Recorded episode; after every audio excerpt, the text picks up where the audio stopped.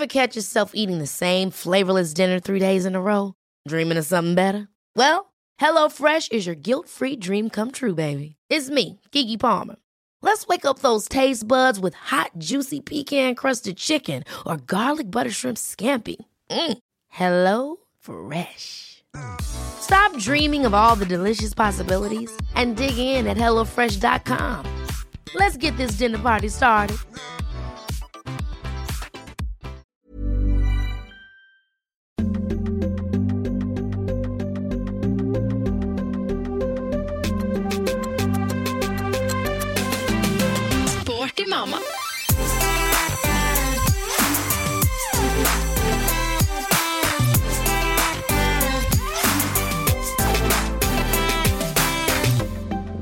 Ja, hallo, hallo. Og velkommen til Sporty mamma.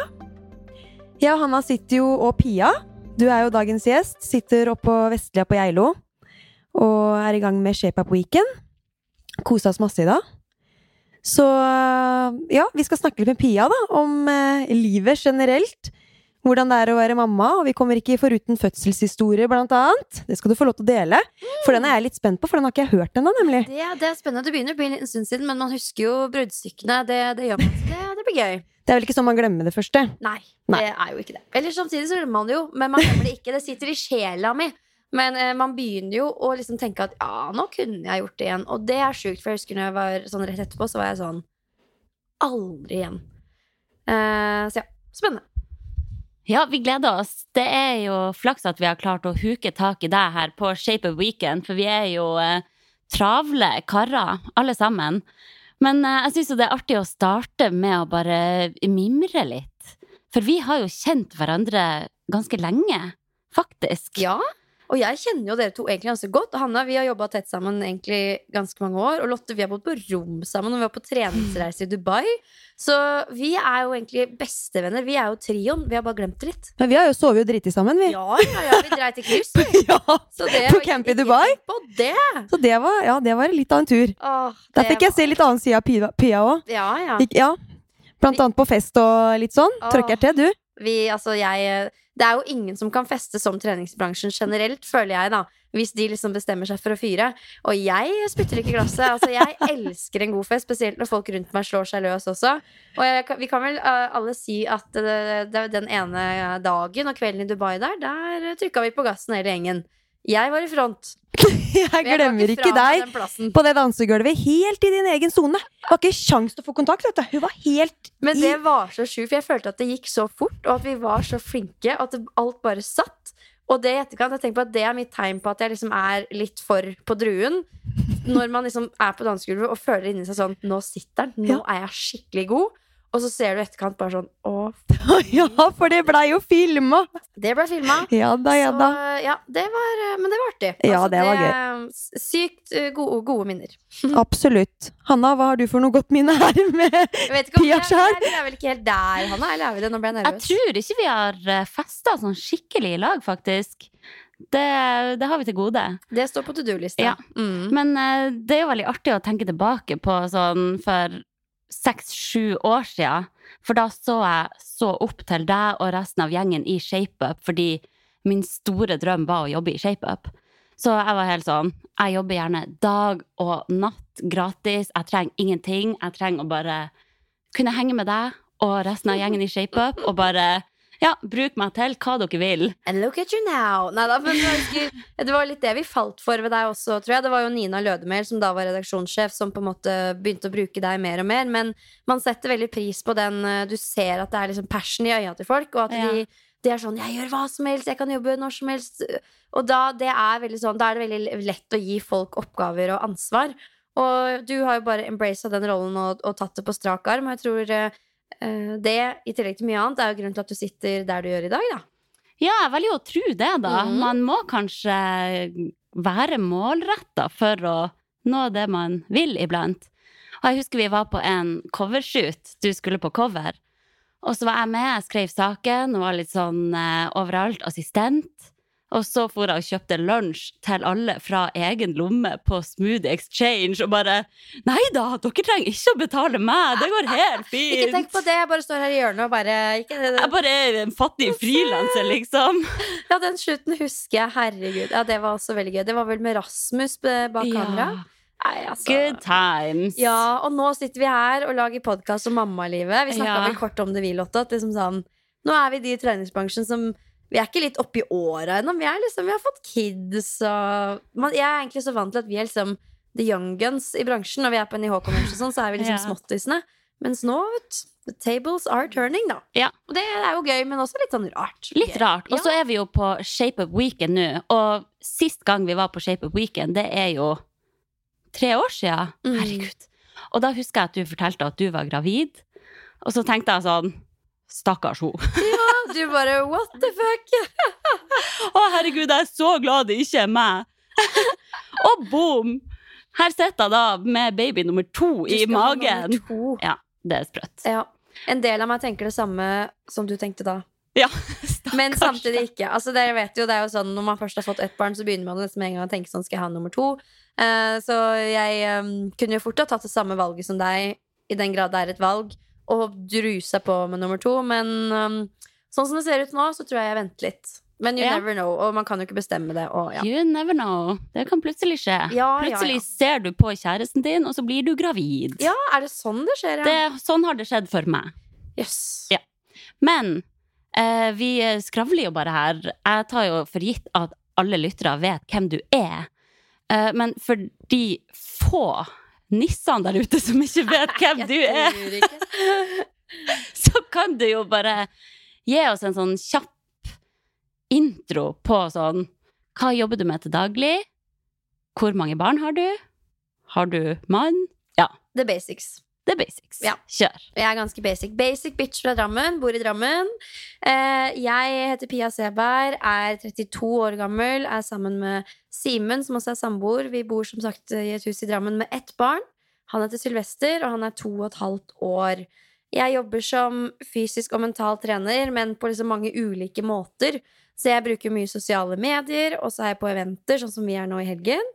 Og så i koronaen så blomstra jo på en måte digital trening fram, da, og det er jo egentlig en veldig stor del av jobben min, det også. Jeg har liksom online treningssenter der jeg trener eh, hva skal vi si, vanlige folk, men også da jenter som har født barn, da. Hjelper de med opptreninga. Og har jo også skrevet en bok om samme tema, trening etter fødsel. Og så har jeg skrevet, eh, skrevet bli, 'Bli din egen PT', som var den første boka jeg kom ut med. Um, som er liksom et oppslagsverk med fysiske og mentale verktøy som skal hjelpe leseren til å ja, bli mer selvstendig i sitt eget helseliv. Da.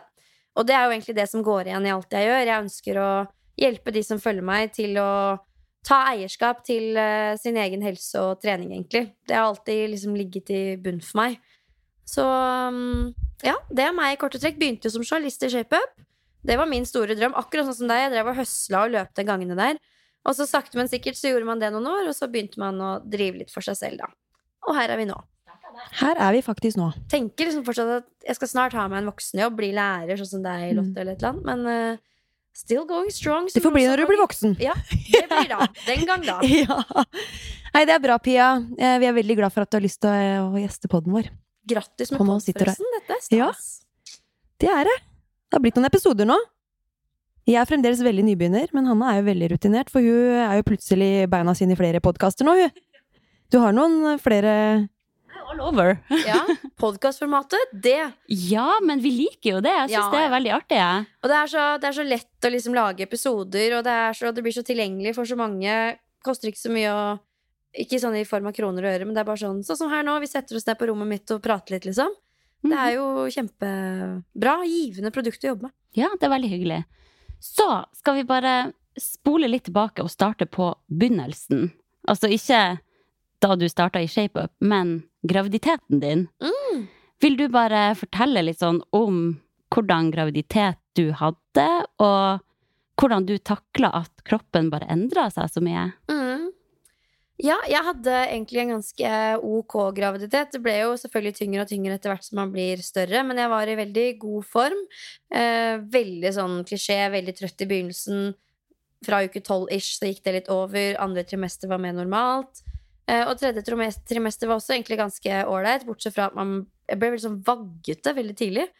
Eh, og så fikk jeg ganske tidlig vondt i bekkenet, og det var så rart, fordi um, det å gå til toget eller ha PT-kunder ble liksom uaktuelt fordi det gjorde så vondt, da. Men å trene tungt med Eller semitungt, da, så tungt som man kan når man er gravid, med knebøy, så lenge jeg hadde begge beina planta i jorda, liksom, så gikk det helt fint. Så, men det er jo helt naturlig. Det er jo det vi før kalte bekkenløsning, som ikke så Som ikke bruker så mye nå lenger. Det er jo en helt naturlig del av det å være gravid.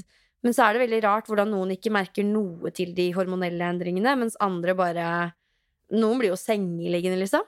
Så det er veldig fascinerende. Eh, men for meg så hadde jeg, jeg hadde en ok graviditet, og det er ikke sånn at det å være gravid eh, stresser meg hvis man skulle hatt et nytt barn, da. Det tenker jeg at det er ålreit. og så var det litt sånn digg å bare ta det litt rolig og ha en god unnskyldning til å roe ned litt. Og spesielt med første. Det er litt annerledes med Hanna Nei, med andre Nummer to, det vet mer, du mer om Hanna, men på nummer én så blir man jo båret litt sånn på gullstol. Det er litt sånn 'jeg er gravid', det er førstemann, og kjæresten din er veldig Mens med nummer to så ser jeg for meg at det er litt mer sånn ja ja, opp i ringa, dette har du gjort før. Jeg vet ikke, jeg. Ja, jeg tror egentlig at eh, kanskje spesielt samboeren min glemmer litt av at jeg er gravid Ja. også. Og jeg glemmer det nesten sjøl, fordi livet bare er så hektisk. Mm. Jeg har ikke tid til å stoppe opp og kjenne etter og bare åh, nei, nå er jeg litt trøtt, nå legger jeg meg på sofaen. Det går ikke. Da er det ute i sandkassen og på lekeplassen. Mm. Men det er jo egentlig Det går jo fint, det også.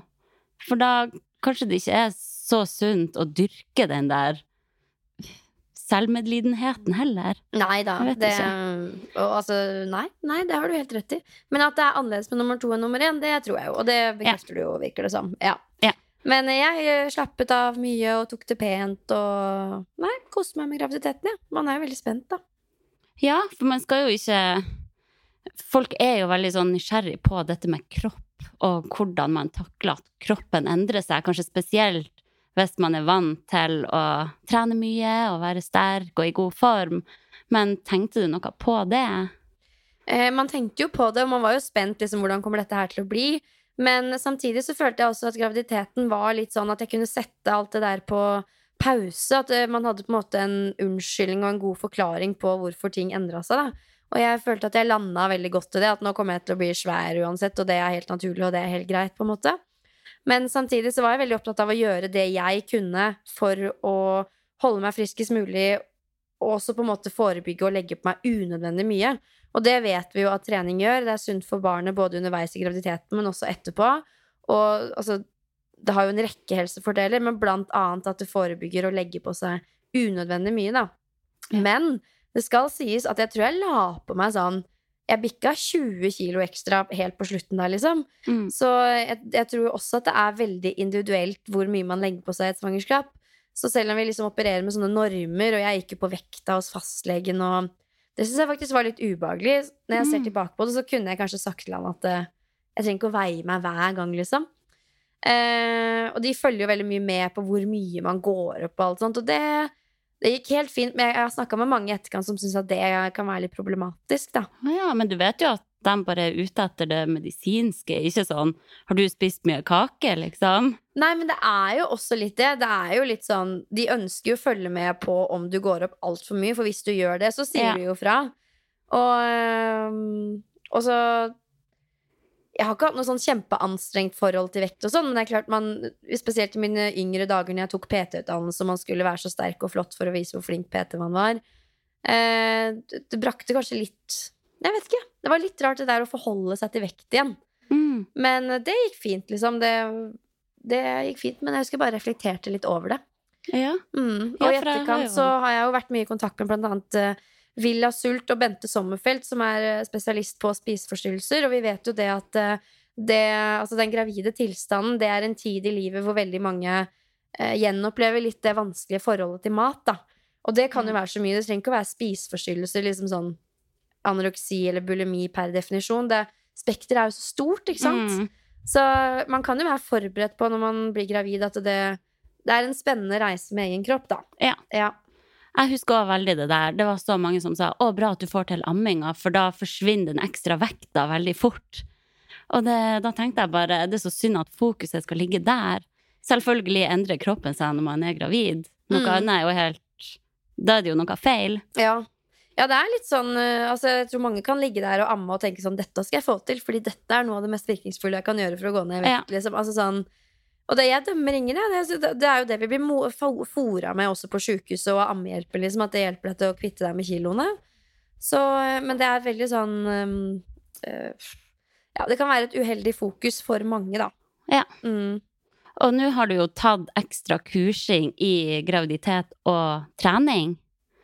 Er det noen sånn eh, myte der ute blant gravide som gjør at de kanskje velger å ikke trene som gravid? Eh, ja, altså det er jo veldig mye usikkerhet. Det er jo veldig mange myter som, som florerer. Og det er mye pga. media. Det er mye gammel informasjon som ligger på internett når man søker. Men også i generasjoner. Eh, fordi altså, vi stoler jo veldig på mødre og bestemødre, i forhold til liksom, for de har jo vært igjennom det samme. Det er de som har født oss. Men den informasjonen de presenterer, er jo ikke oppdatert, oppdatert snarere tvert imot. Og hvis du mikser det med på en måte litt sånn ekstra føre var i forhold til nå må du ta det pent, jenta mi, er det ikke sunt å drive og løfte på denne stanga? Man blir jo redd og usikker, ikke sant? I tillegg til at det er ikke sånn kjempemye informasjon eh, når det kommer til trening og graviditet, heller ikke etter fødsel.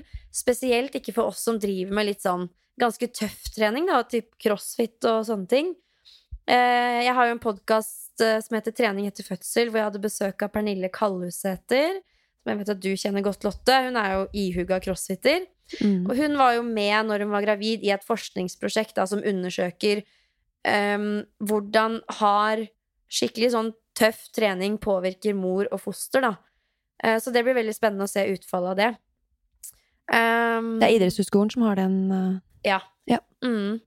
riktig.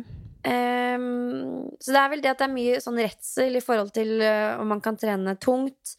Hva er tungt? Hvor høy puls kan man få? Kan man løpe? Um, kan man provosere fram delte magemuskler og gjøre det verre enn det trenger å være?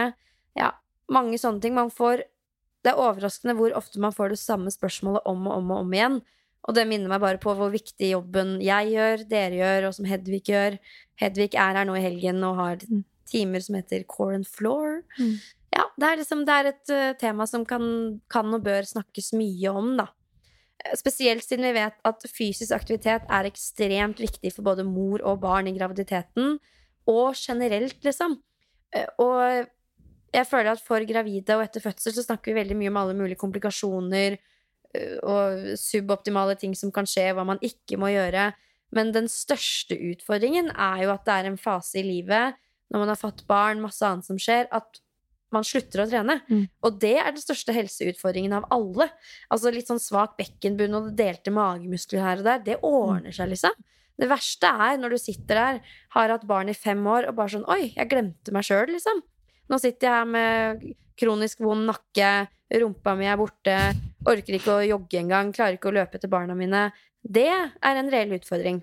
Og det var vel min inngang inn i dette her, at jeg ønska å liksom inspirere jenter til å ta eierskap til egen trening, også etter at barnet var ute, da, og vise at det, det trenger ikke å være så, så vanskelig å trene riktig etter at man har født barn.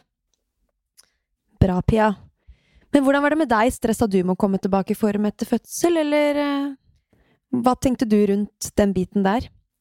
Eh, det var vel ikke så mye at jeg skulle liksom komme i form, men det er klart man var jo gira på å sjekke hvor mange pullups klarer jeg nå. Herregud, man var jo litt nerd.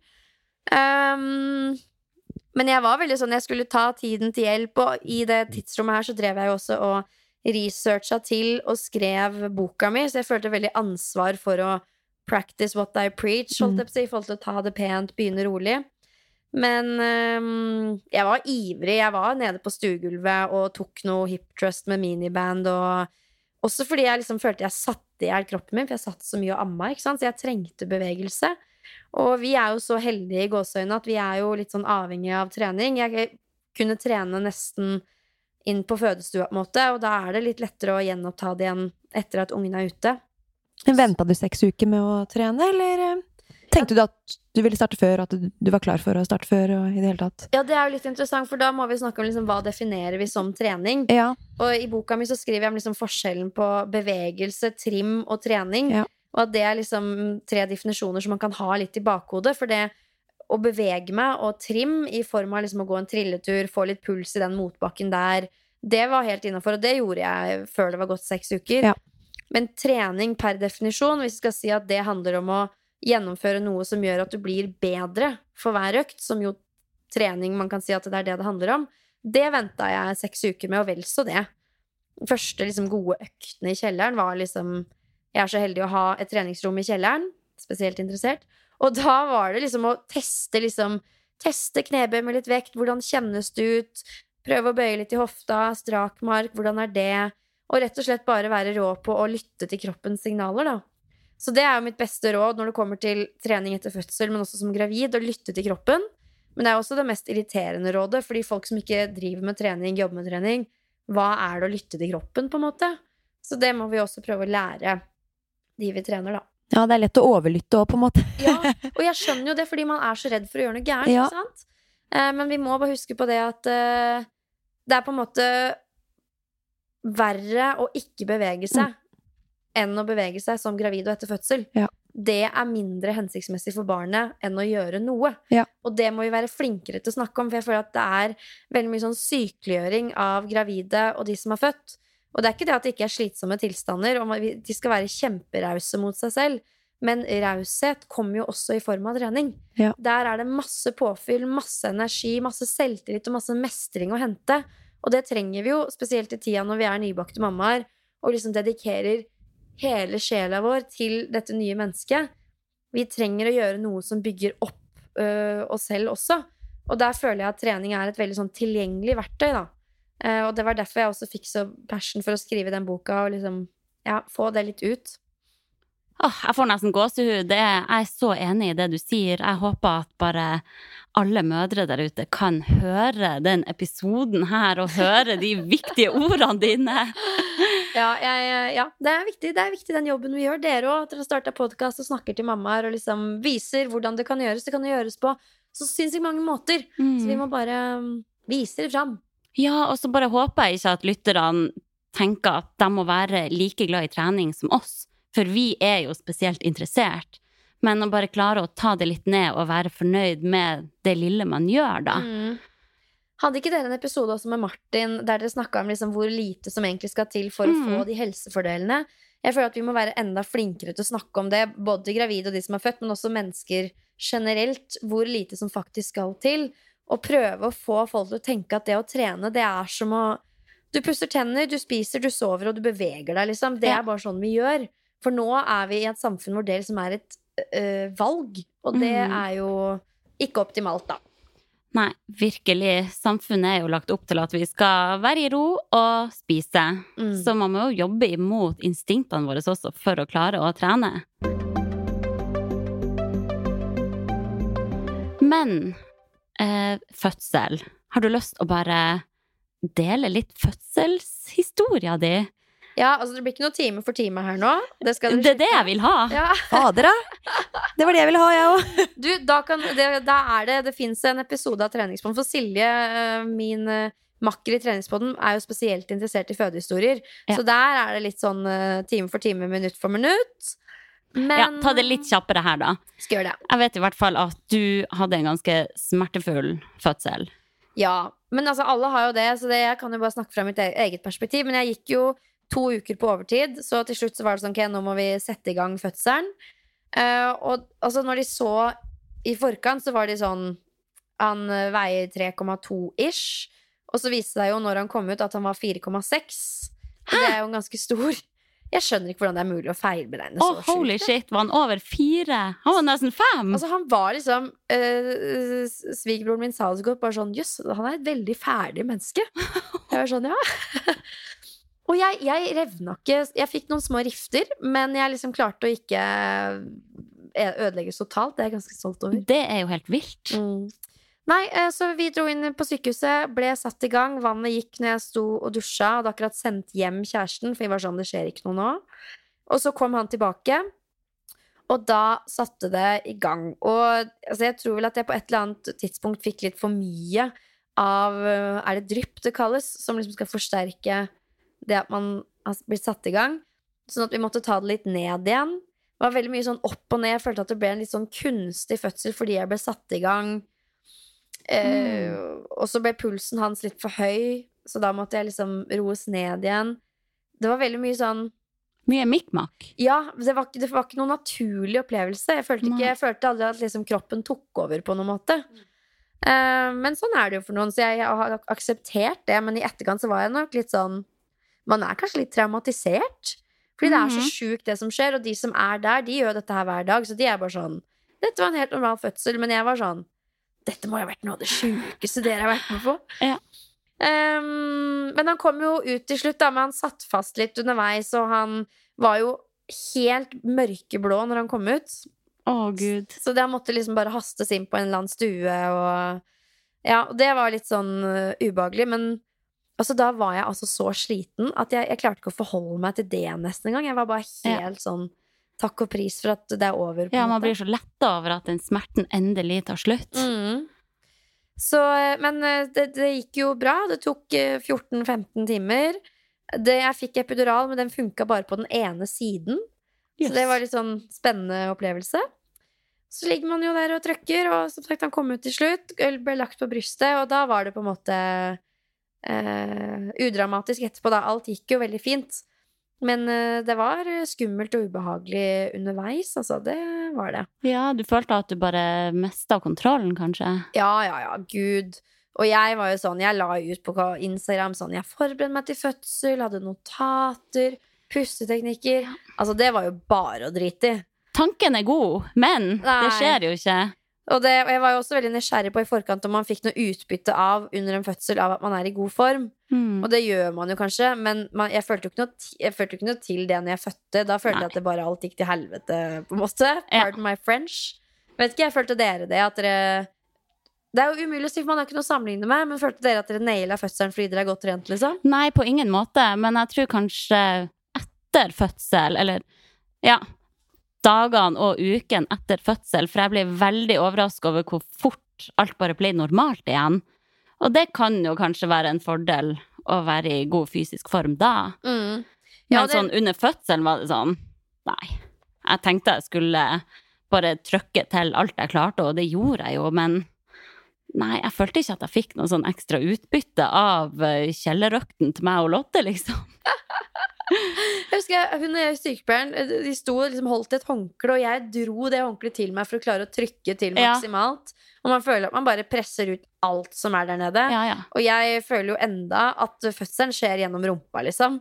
Det, Ja. Du trøkker jo Ja, nei, det er veldig Man spesielt. bæsjer bowlingkule. Ja, altså, det var noe greier og noe greier. Så mannen blir også litt traumatisert der. Men Ja, men det er klart. sånn- Jeg husker at du la ut på Instagram at du hadde sprengt masse blodkar i øyet.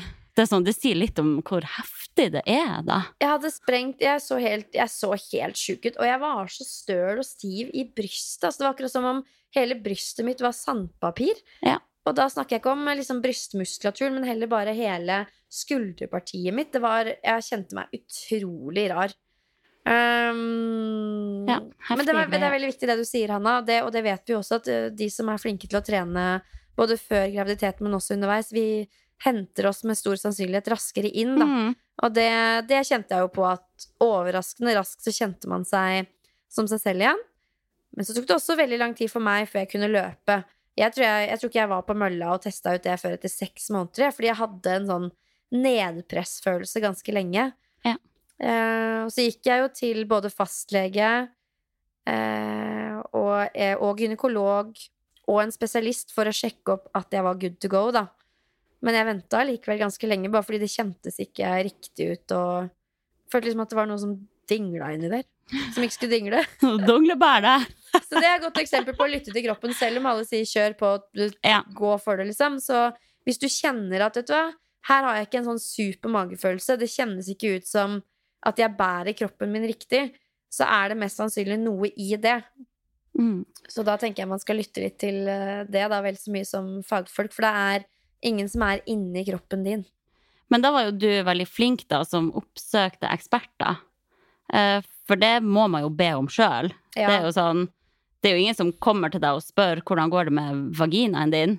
Du må jo virkelig sjekke det sjøl. Ja, så det er det som er litt sånn øh, Du må være så sjukt sånn oppsøkende på at folk skal sjekke hvordan det går med tissen din. Og det er Ja. litt spesiell Du må liksom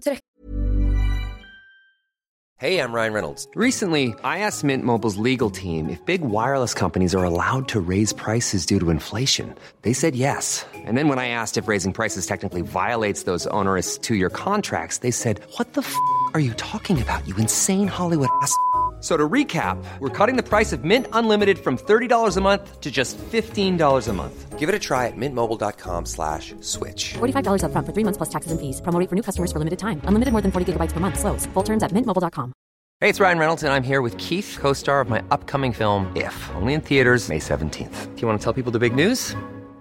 All right, I'll do it. Sign up now and you'll get unlimited for $15 a month and six months of Paramount Plus Essential Plan on us. Mintmobile.com slash switch. Upfront payment of $45 equivalent to $15 per month. Unlimited over 40 gigabytes per month. Face lower speeds. Videos at 480p. Active Mint customers by 531.24 get six months of Paramount Plus Essential Plan. Auto renews after six months. Offer ends May 31st, 2024. Separate Paramount Plus registration required. Terms and conditions apply if rated PG. tissen din opp i trynet til folk. Er jo litt spesiell setting å være i. I hvert fall så det føltes ut. Um, Ja, men- fokuset er på det lille barnet uansett. Så Mm. ja. Nei, rar situasjon. Ja. Til dere eh, gravide der ute som skal føde, beklager eh, det her, men eh, det er jo realiteten, da. ja, ja, ja, herregud. Men kul opplevelse å ha vært igjennom uansett, kanskje? Eller? Absolutt. Jeg ville jo ikke vært foruten på noe som helst måte. Og jeg, jeg har jo hørt folk i etterkant som snakker om sånn fødsel som noe fantastisk, at det er så viktig å understreke hvor fantastisk det er å høre meg rundt. Absolutt. Og det er jo, det kommer jo et menneske, det er jo helt fantastisk, men det er Fra mitt perspektiv så var det også ganske jævlig. Og Ja. jeg kunne ønske at noen sa til meg sånn Det du skal gjennom nå, det er helt sjukt. For jeg tenkte litt sånn Det er så mange som har gjort det før meg. Jeg er Ja, mental det var det jeg trener tenkte. dette blir ikke noe problem. Men fy fader, altså. Ja. Så eh, nei, power to alle som har født barn, det syns jeg er bare Ja, virkelig. Men det er jo Det må sies at det er jo ikke alle som har en sånn opplevelse. Jeg snakka blant annet med Stine Hartmann, og hun sa det gjorde ikke vondt i det hele tatt. Hun bare tok i og pressa Mm. til Sissel Kyrkjebø-musikk, og så var ungen ute. Ja, det samme med Kristina Vukisevic. Hun har også vært gjest i poden min, og hun har jo to barn. Første fødsel var ganske lik min, og nummer to var sånn Da var hun helt sånn Herregud, at det kan være sånn her. Da nesten bare Hun kom inn på sykehuset, hun trykka han ut, hun kjente liksom på en sånn eh, flyt i kroppen, at kroppen jobba på egen hånd. Så det kan jo, du har jo de historiene òg. Så det kan gå ja. alle veier. Det er helt vilt. Mm. Nå når jeg går gravid, så er jeg sånn Ja, jeg skulle egentlig ønske at jeg ikke visste hvor brutalt det er å føde. Men tok du noe sånn Mm. fø- Har dere tatt noe sånn fødselsforberedende kurs eller noe? Nei. Følte Ingenting. du at du fikk utbytte av det? Nå blei det jo ikke noe vaginal fødsel her, da. Nei, Men jeg håpa jo på Det var jo jobba mye med pusten og, og den biten som sikkert du også gjorde. Og prøvde å være mest mulig forberedt med tanke på ja, hva man kan se for seg, da. Men ja, de fleste jeg har snakka med, det er liksom ja, Man mister grep om Man klarer liksom ikke å tenke klart, da. Mm. Så det er bare instinkt som kommer, og kroppen bare jobber av seg sjøl, og det er Man kan prøve å fokusere og puste med så godt man kan, da. Mm. Men uh, det, er, det er ikke så lett å jobbe med kroppen. Jeg tror nok de fleste reagerer med å jobbe mot kroppen, og da blir det veldig mye adrenalin, da, og da kan det forverre Mm. hele fødselsopplevelsen og gjøre ting enda vondere enn det egentlig trenger å være, da. Mm. Men jeg kan jo ikke si noe om det som ikke har født vaginalt. Nei. Vi kan snakkes øh, ved en eventuelt nestemann. Ja. Når blir det? Ja! Apropos Pia! Du, da? Andremann? Nei, eh, nei litt sånn som jeg sa innledningsvis òg. Vi snakka jo litt om det i går, Lotte, at det kan være et sånn sårt spørsmål for mange. Men for meg så er det For meg er det null problem. Og jeg, eh, jeg driver og tenker på det, da. Jeg kjenner jo at uh, kanskje man skulle hatt en nummer to, men så klarer jeg ikke å bli klok på om det er fordi jeg føler at jeg burde det, eller fordi jeg har lyst på det. For jeg koser meg veldig med bare én, og det er så hyggelig å bare være oss tre. Nå begynner vi liksom å få litt overskudd igjen, jeg og kjæresten min. Det er ikke så stress å ha han alene. Det er ikke sånn at du partneren er hjemme og sliter livet av seg liksom, fordi du er ute og koser deg. Og det er veldig deilig å være litt overpå. Så foreløpig har vi det veldig fint med bare å være tre, og så får vi se i fremtiden. Men jeg har ikke noe sånn eh, brennende ønske per nå om en til. Men kanskje det kommer, kanskje det skjer. Det er bra. Mm. Da får vi se. Ja. Vi tenkte å gå litt videre, gjør vi ikke det? På litt andre spørsmål her. For vi vet jo, Pia, at du er mentaltrener. Og dette med hvordan kvinner bør tenke sånn oppi hodet sitt, da, under, eh, under graviditet og etter graviditet, det er jo eh, noe du kanskje kan svare litt på. Ja. For vi har ikke så mye kunnskaper om eh, den mentale biten. Vi har jo veldig mye tipsa mye om eh, rein fysisk eh, Ja, hvordan man kan trene seg opp eh, både under og etter. Men eh, du har jo litt sånn ekstra Ja, kan jo det eh, veldig godt. Så ja, det vi lurer litt på, da, er liksom sånn eh, Hvilke mindset eh, mødre bør Bør ha da, for å mestre det å ta vare på seg selv både under graviditet, men også kanskje etter, da. Ja, kanskje aller mest etter, Ja. da det er bare sånn helt ny verden, og du bare Yes. sånn What the fuck, hva skal jeg gjøre nå?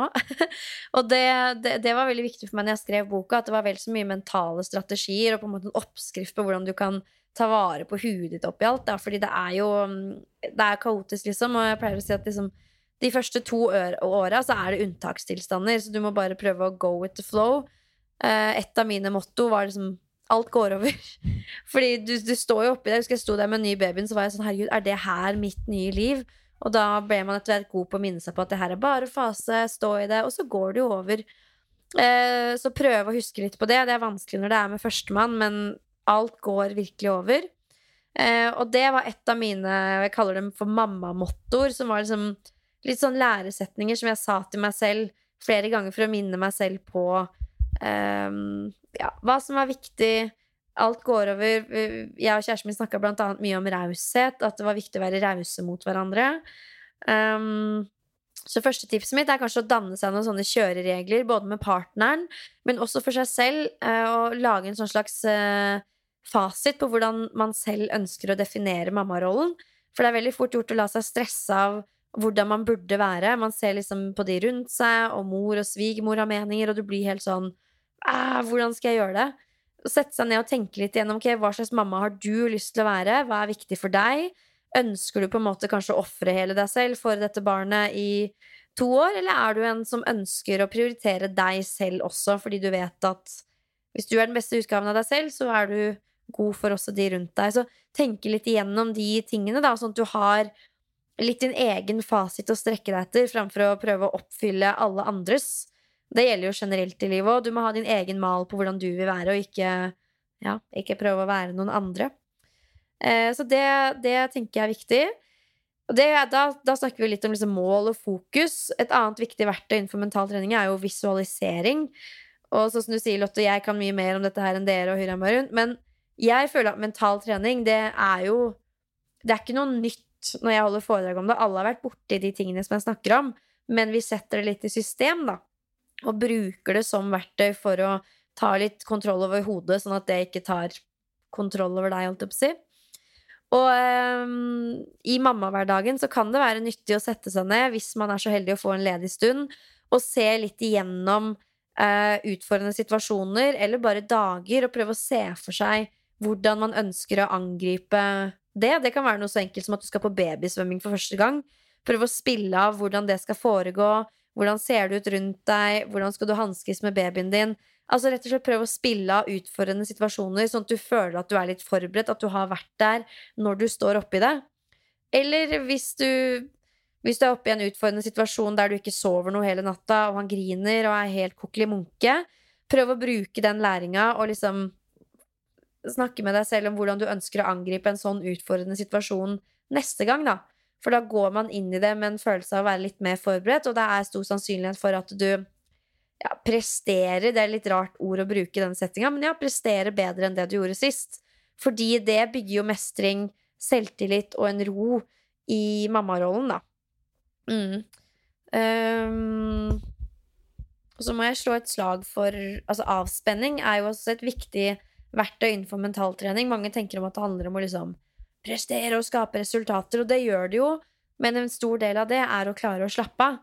Og jeg føler for oss treningssenter så er vi veldig sånn go, go, go, go, go, også når vi får barn. Vi skal klare å trene. Vi skal poppe tilbake til sånn vi var før, hva enn det innebærer.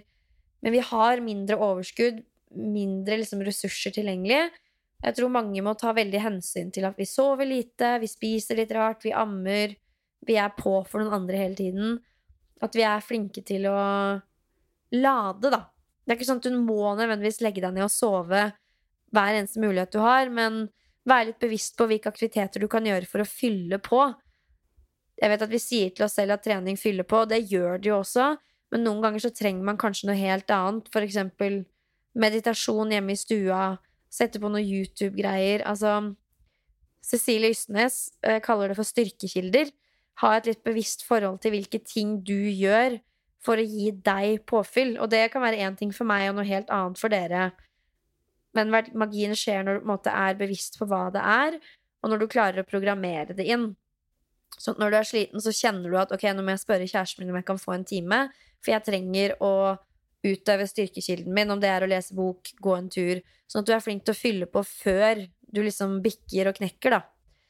Det, men det Der var ikke jeg alltid like god, for jeg er veldig sånn stå på, stå på, stå på, fram til det liksom bikka. Og da bare klikka jeg helt, og tårer og ja. Så man lærer etter hvert som man går. Ja. Det er veldig gode tips. Man skal jo virkelig ikke undervurdere det med å være på lading også.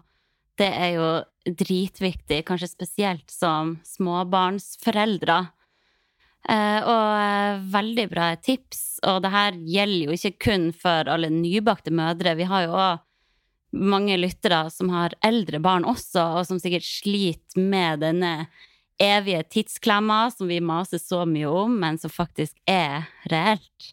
Eh, kjenner du på tidsklemma, og hvordan klarer du å ta vare på deg sjøl og trene, spise bra, være på lading oppi denne småbarnshektiske tilværelsen? Ja, altså jeg må jo si at jeg syns det er eh, Når jeg jobber med kunder som har fulle liv, de jobber Så altså, noen ganger kan jeg si til dem sånn Dette her er ganske utfordrende. Det er vanskelig for deg å finne overskudd og tid til å trene. Og du må sitte deg ned og tenke gjennom om du kanskje må flytte eller velge bort noe annet for å få det til. Før, før jeg fikk barn, så var jeg veldig sånn Det handler om å prioritere, du får det til, det er dritenkelt. Det sitter i huet. Men nå ser jeg liksom at det er ikke alltid sånn, da. For meg, mm. jeg jobber med trening jeg kan forsvare det å lage meg en god, sunn lunsj hjemme på hjemmekontoret fordi jeg kan poste det på Instagram, og da er det jobb. Altså, det er enklere for meg enn veldig mange andre å ta vare på meg selv fordi jeg har gjort det til jobben min. Jeg går i treningstøy hele dagen. Um, jeg jobber med å trene andre, så da får jeg trent selv. Um, så det er sånn jeg får det til, og jeg har ikke noen store utfordringer med det fordi det er jobben min. Og det, mm. der må jeg bare være, være, helt ærlig. Hvis jeg hadde sagt det på en annen måte, så hadde det vært å lyve, fordi det, det er liksom sånn jeg løser det nå. Um, ja, og det må man huske også når man følger treningsprofiler på Instagram, og vite det at ja, du jobber faktisk med det. Du mm. har et gym hjemme. Du kan få trent når de andre er på jobb. Mm. Uh, så ja, det er gangene, viktig å ha med seg. Ja, de gangene jeg ender opp med å ha vært i Oslo for eksempel, hele dagen og må trene på kvelden, altså det, da klager jeg så fælt til kjæresten min, og det sitter så langt inne, og man er så sliten. Ja. Og det er jo ikke det, man, man er jo ikke fysisk sliten, for man har jo sittet på ræva hele dagen. Men du blir psykisk sliten. ikke sant? Ta tog, være i Oslo, møte masse mennesker, hjem igjen. Så det er fort gjort å liksom forveksle de to, men det er jo ingenting jeg har så godt av da som å ja, Kanskje ikke nødvendigvis gå ned og løfte vekter aleine, men heller gå en tur i skauen. Mm. Bruke kroppen, skru av huet. Eh, så det er litt viktig å huske på. Men hvis jeg hadde hatt en 8-4-jobb, og de periodene hvor jeg har det ekstremt travelt, så er jeg god på å prioritere inn trening. Jeg vet at det er noe av det viktigste jeg gjør for å ha det bra og være stolt av meg sjøl. Og det å gå rundt med en sånn indre stolthet over at jeg har gjort noe bra for meg, det er ekstremt viktig for at jeg skal ha det bra. Eh, så da ville jeg lagt eh, til rette for morgentrening, at jeg hadde fått gjort det unna liksom tidlig, fordi jeg vet at kveldstreninga det er helt dødfødt. Stått opp tidligere, lagt meg tidligere, planlagt eh, det, maten, lagt fram klær. Jeg vet med meg sjøl at jeg hadde gjort alle de tingene, men jeg sier ikke at det er lett. Det er en kjempeutfordring. Ja. Men da er det nok, skal du la være, da? Er det et alternativ, liksom? Det er jo ikke det. Nei, det er jo ikke det. Du må få det til å funke. Jeg vet at det er en vanskelig, utfordrende jobb, men Det krever en innsats å Ja. få det til. Mm. Virkelig. Men det er verdt innsatsen, da. Ja, og jeg har jo medlemmer i online-portalen min. Altså, det, er sånn, det er så fantastisk å høre noen av de bli med kidsa på trening, og så setter de opp øktene mine på telefonen og trener i et hjørne mens kidsa er på håndball. Altså, det er så mye sånn er jo. Ja, det er så mye inspirerende løsninger. Så ofte får man lyst til å si til de som er sånn Jeg får det ikke til. Så får jeg lyst til å si sånn Du får det til. Det er Ja. alltid muligheter, men du må utvide liksom, perspektivet ditt i forhold til hva som er en treningsøkt. Hvor den kan gjøres, når den kan gjøres. Fordi den perfekte trening styrkeøkta på sats, liksom, hvor du makser i hvert løft, det er kanskje ikke så tilgjengelig lenger. Men det fins ikke noe trening som er perfekt. Det er, handler mer om å klare å gjøre det over lang nok tid. Mm. Ha den kontinuiteten, sånn at det blir en del av det. da Og om det er liksom tunge knebøy, eller om det er airscots på stuegulvet, det har ikke så mye å si. I hvert fall ikke i den fasen her nå med små barn. Nei, virkelig. Og så er det nok viktig også å skille mellom eh, den følelsen av å være sliten etter jobb. For jeg kan jo føle meg helt ferdig etter en dag på jobb, selv om jeg bare har vært i ro hele dagen. Og da er det jo dritvanskelig å trene. Men det er jo som du sier, det er jo akkurat det jeg trenger da. Mm. Og det er så deilig når du får gjort det òg. Ja. Men jeg tror det er viktig å legge fra seg liksom alle sånn Eller mye av det målorienterte, og liksom at du skal være bedre på hver økt. Jeg skal slå den tiden. Det er nok en tid i livet for å legge bort litt av det, og heller oppsøke bare liksom den godfølelsen. Mm. Eh, at det er lov å bare ta seg en tur i skauen, løpe litt, altså endre perspektivet på hva trening er, da. Og det Altså, Lotte, du er jo ganske nybakt mamma, da. Erik er vel bare seks. Men du har sikkert kjent litt på det at du må Ja, man må trene annerledes og forholde seg til egentrening på en ganske annen måte, da. Absolutt. Det er ikke mye Det er ikke så mye trening nå. Det er eh, Det må gjøres kjapt og gæli. eh, Enten på stuegulvet eller eh, nede i crossfit-boksen der jeg trener. Og Da er det én time jeg får, og så er det rett hjem igjen. Ja. Så det blir eh, Prøver liksom å vedlikeholde styrken, eh, men ser jo at det er veldig vanskelig. Men du var jævlig sterk. Så ja, men Så- så. så det nivået der, det kommer jeg ikke til å komme til. For det kreves veldig mye Men det kan vi gjøre når kontinuitet over tid. Større? Ja da, det sånn- kommer en tid igjen. Cross, nei, Christian eh, Ronne, som også jobber på Crossfit-dagene, Voksen mm. ja, han var jo en av lærerne når jeg tok sånn gruppetreningsutdannelse. Og han var sånn Nei, nå har jeg to barn, så nå er det løping som gjelder. Jeg løper Mm. fram og tilbake med vogna. Og da ble det sånn Det er jo det det handler om. Det handler ikke om å være treningsfolk som søker det perfekte. Det handler om å få det til å funke. Så de gangene jeg gjør litt sånn amputerte økter på stuegulvet, jeg fikk bare gjort halve økta, så bare prøver jeg å minne meg sjøl på at det, du gjorde ditt beste, og det er Mm. der stoltheten skal ligge. Det er det det handler om, om å prøve å få det til. Fortsett å prøve hver eneste, om ikke dag, så hver uke. Og så lenge du vet liksom at du kan legge hodet på puta, og du vet at du, du gjorde ditt beste for å få det til, eh, samtidig som du selvfølgelig er raus med deg selv og lytter og liksom ikke pusher på når du ikke skal, det er det som handler om å være topptrent i de livene vi lever nå, da. Og det som er så fint, er at jeg føler i hvert fall at jeg er mer skrudd på sånn eh, i hodet når jeg først drar på trening nå. For nå vet jeg at nå har jeg den timen, nå må jeg være her og nå. Nå er det meg det handler om, og jeg verdsetter den tida så mye mer enn det jeg gjorde før. Da kunne jeg dra på trening og klø meg litt tilbake og, og huet og bare ja, Hva skal jeg finne på? Gidder jeg det her, liksom? Jeg kan komme med litt sånn uforberedte økter og bare Hva er på planen i dag? Og gidder jeg å ta noe i? Nå er det ikke noe valg. Jeg bare peiser på og er så fornøyd med meg selv uansett hvordan det går, egentlig. Og det er jo det som er så kult da, på mange måter, fordi du får den derre ok, nå er det go time-mindsettet, så kan jo faktisk det føre til at man får bedre resultater. Mm. Og det kan bidra til at du får trent hyppigere, altså oftere, og at du virkelig trøkker til når du faktisk trener. Jeg husker jeg snakka med Inger om, for før vi fikk barn, så gikk vi jo liksom rundt og susa bare sånn ja, ja, hva skal han gjøre i dag? Mens nå er det bare go, go, go. Og altså, hvis vi ser på Inger, hun har jo ikke akkurat blitt i noe dårligere form etter at hun ble trebarnsmamma. Igjen, hun er jo et unikum på sine måter, men hun er jo et godt eksempel på at man får det til. Eh, og det trenger ikke å bety at man blir i dårligere form selv om man blir mamma. Man må bare trene litt annerledes. Hun er et litt dårlig eksempel fordi hun, ja, hun jobber jo også med trening, har et treningsrom i kjelleren og er spesielt interessert.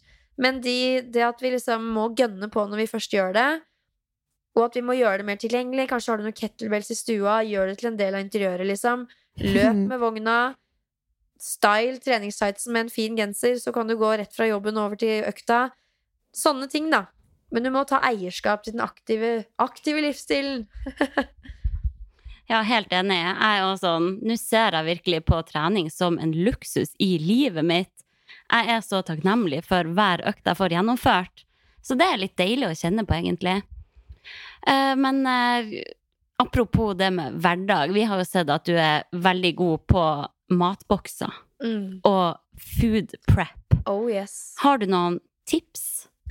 Ja, igjen så må jeg skyte inn at det er fordi jeg, kjæresten min ler av meg, for han er bare sånn Jeg lurer på om det finnes noen andre som har like mye tid til å holde på med det her uh, som deg. Fordi jeg lager jo content om det òg, så da er det jo litt Ja. mer tilgjengelig. Men jeg må jo samtidig si at for vanlige dødelige, og for meg de i travle perioder, så er det ikke så veldig mye som skal til. Bruk eksempel søndagen som en sånn litt sånn relaxation styrkekilde til å preppe grønnsaker. Fordi grønnsaker, det er det som er mest hassle. Du kan ha grønnsaksskuffen sk- øh, full, liksom, men når du ser på en haug med rå brokkoli, um, gulroter som skal skrelles og hakkes og Ja, det er tiltak. da er det bare sånn, jeg gidder ikke, jeg tar en boks med bønner, liksom, og det, du vil jo ha litt mer variasjon enn det. Så prepp grønnsaker, kok den brokkolien, hakk opp grønnsaker, del opp paprikaen, sånn at når du skal lage middag, så er det dritenkelt, fordi du har den paprikaen i bokser. Og når du først står og lager middag, når du står og venter på at et eller annet skal koke, gyllen mulighet til å hakke opp et eller annet. Hakk det, få det på. Putt i en boks, ferdig snakka, eller plastposer. Og da er det også mye lettere å slenge sammen disse bollene liksom med spinat. Du må alltid ha en neve med spinat. Så slenger du oppi noe av det der du har kutta opp fra før. Få på noe pesto og noe greier. Litt avokado. Ferdigpakke med kylling. Ferdig snakka. Eh, men jeg føler at det, det med grønnsaker er liksom eh, det viktigste for mange, i tillegg til proteinkilder, da, at det også er litt sånn lett tilgjengelig. Enten det er vegetar eller eh, animalske kilder. Smart. Jeg føler at jeg bruker så mye tid på å kutte grønnsaker. Det er jo der alle minuttene flyr. Men jeg har sett at det finnes sånn der kuttemaskin, så det ønsker jeg meg veldig i bursdagsgave. Ja, det er spennende, for det har Ja. ikke jeg testa, og det må jo bare være en drøm. Ja. Det er derfor det også er en luksus i livet. Jeg, man er litt sånn uh, gjerrigknark innerst inne, men de gangene jeg bare sånn, hva, nå kjøper jeg bare masse poser med ferdigkutta grønnsaker. Åh, det er så nydelig. Og det, er, det gjør livet så mye lettere. Og jeg må også slå et slag for frosne grønnsaker. Sånne wok-grønnsaker. Helt genialt. Wok Mhm. til wok, slenge i en boks, og så har du liksom til Ja, 400 gram holder jo til to personer, porsjoner, da, men altså, lag masse, sånn at du er sånn Å, det må jeg spise opp, da tar jeg det istedenfor den melkesjokoladen, liksom. Ja, smart. Og det er ikke noe gærent i melkesjokolade, men det er sånn, det gir deg ikke noe verdifull energi, og mest sannsynlig gir det deg ikke noe god følelse heller. Og det er den gode følelsen jeg er ute etter. Du vil kjenne at du er stolt av valgene du tar. Eh, og prøv å liksom la det være drivkraften din, for det er en veldig god følelse å ha med seg i livet. At du kjenner at du er oppe og nikker, da, og at det er din fortjeneste. Det, det er en følelse jeg unner alle å ha. Og igjen, der føler jeg at trening og det å lage ok mat i seg sjøl, det er veldig sånn enkle kilder til det. Til den følelsen. Ja. Og du er veldig flink å ta med deg mat på farta også. Mm. Og der tror jeg mange har et forbedringspotensial. Det er veldig fort å bare tenke ja, jeg kjøper noe der. Men det å ha med solid mat Ja. i matboks som du har preppa på forhånd, da har du naila livet. Ja, det er jo en vanesak, ikke Ja. sant? Men nå er det jo heldigvis mye bra man får kjøpt på farta òg, men det er digg å bare ha matboksen sin, og, og det er det, liksom. Fordi man blir jo ikke noe ålreit når man blir sulten, verken der og da, men i hvert fall ikke når man kommer hjem og får den oksehungeren og bare spiser alt man kommer over. Oh yes. Ja, så, Story of my life. ja, så det er litt å forsvare seg sjøl, eller beskytte seg selv mot seg selv også. Men altså, jeg er ikke noe unikum, altså, og, vel, og det er ofte liksom det ikke går, men uh, ja, man har lagt seg litt i selen for å være god på dette med matbokser, da. Så noe har man da oppnådd i livet. Ja, du er god på matboks. matbokser. Ja. I love it. Men eh, herregud, tida flyr jo. Jeg tror vi må begynne å runde av. Vi kunne jo ha skravla i timevis. Nå skal jeg hoppe i dusjen, ordne meg og prøve å se ut som en brøkdel av Lotte, holdt jeg på å si. Eh, på da 25 minutter. Det blir spennende. Ja, så vi får eh, runde av. Men vi har et siste spørsmål, da. For du er jo veldig opptatt av det her at man kan bli sin egen PT. Og det liker jeg veldig godt. Og så Ja, hvordan kan man bli det, egentlig? Har du noen tips til kanskje spesielt mødre der ute som ønsker å ta mer kontroll over eget treningsliv, men som kanskje er ganske blank på trening nå? Hvor starter man, liksom? Ja. Altså, jeg liker jo åpenbart også den uh, tittelen veldig godt, men det er jo også en veldig stor uh, tittel med mye lovord. Men jeg mener jo virkelig at det er tilgjengelig for folk i større eller mindre grad å ta kontroll over egen helse. Noe annet ville vært veldig rart. Og vi Altså, det flyter av informasjon, så det er ikke det det står på. Skoen trykker jo der at det er Folk må få ut fingeren.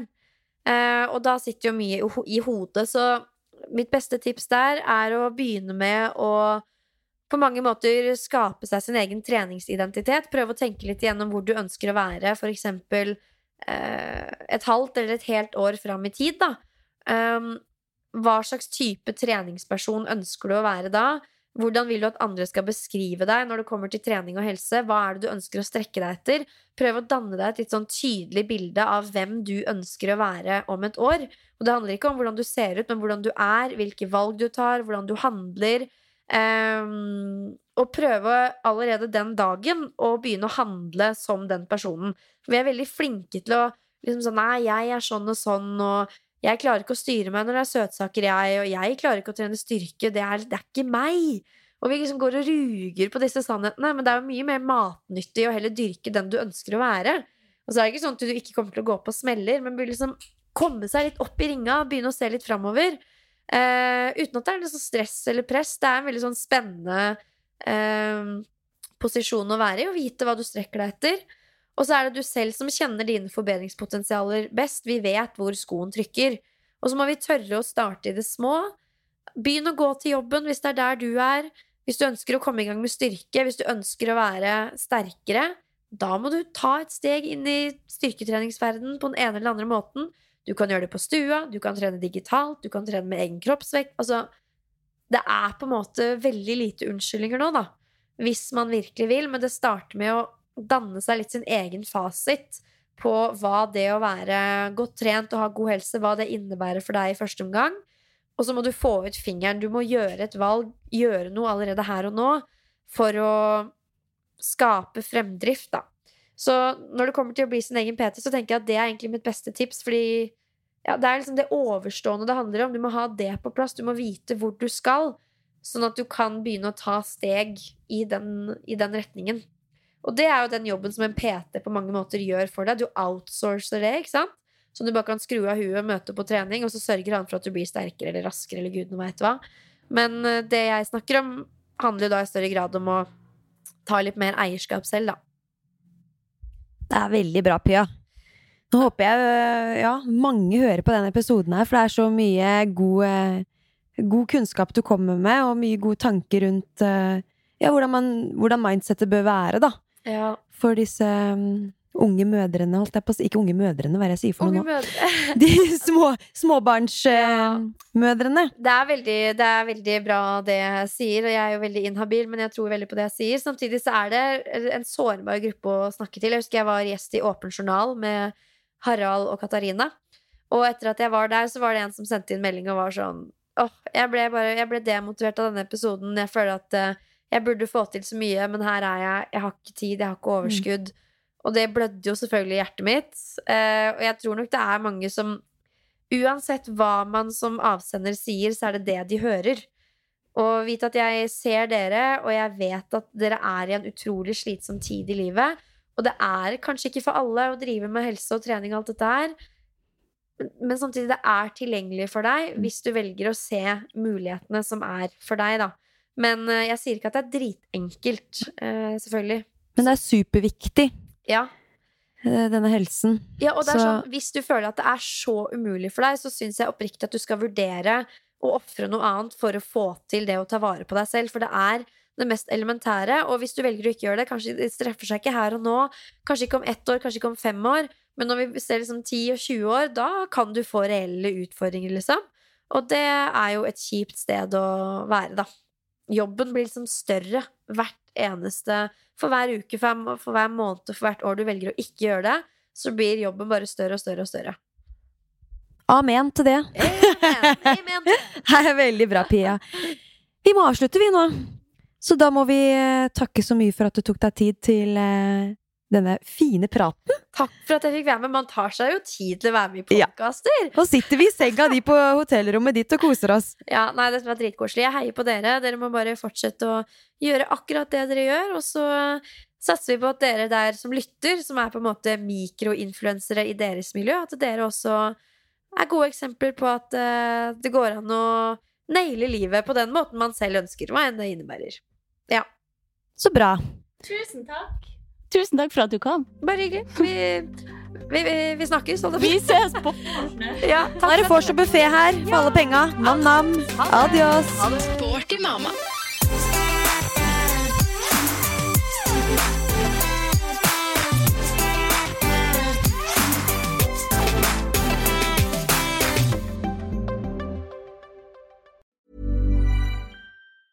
Ever catch yourself eating the same flavorless dinner three days in a row?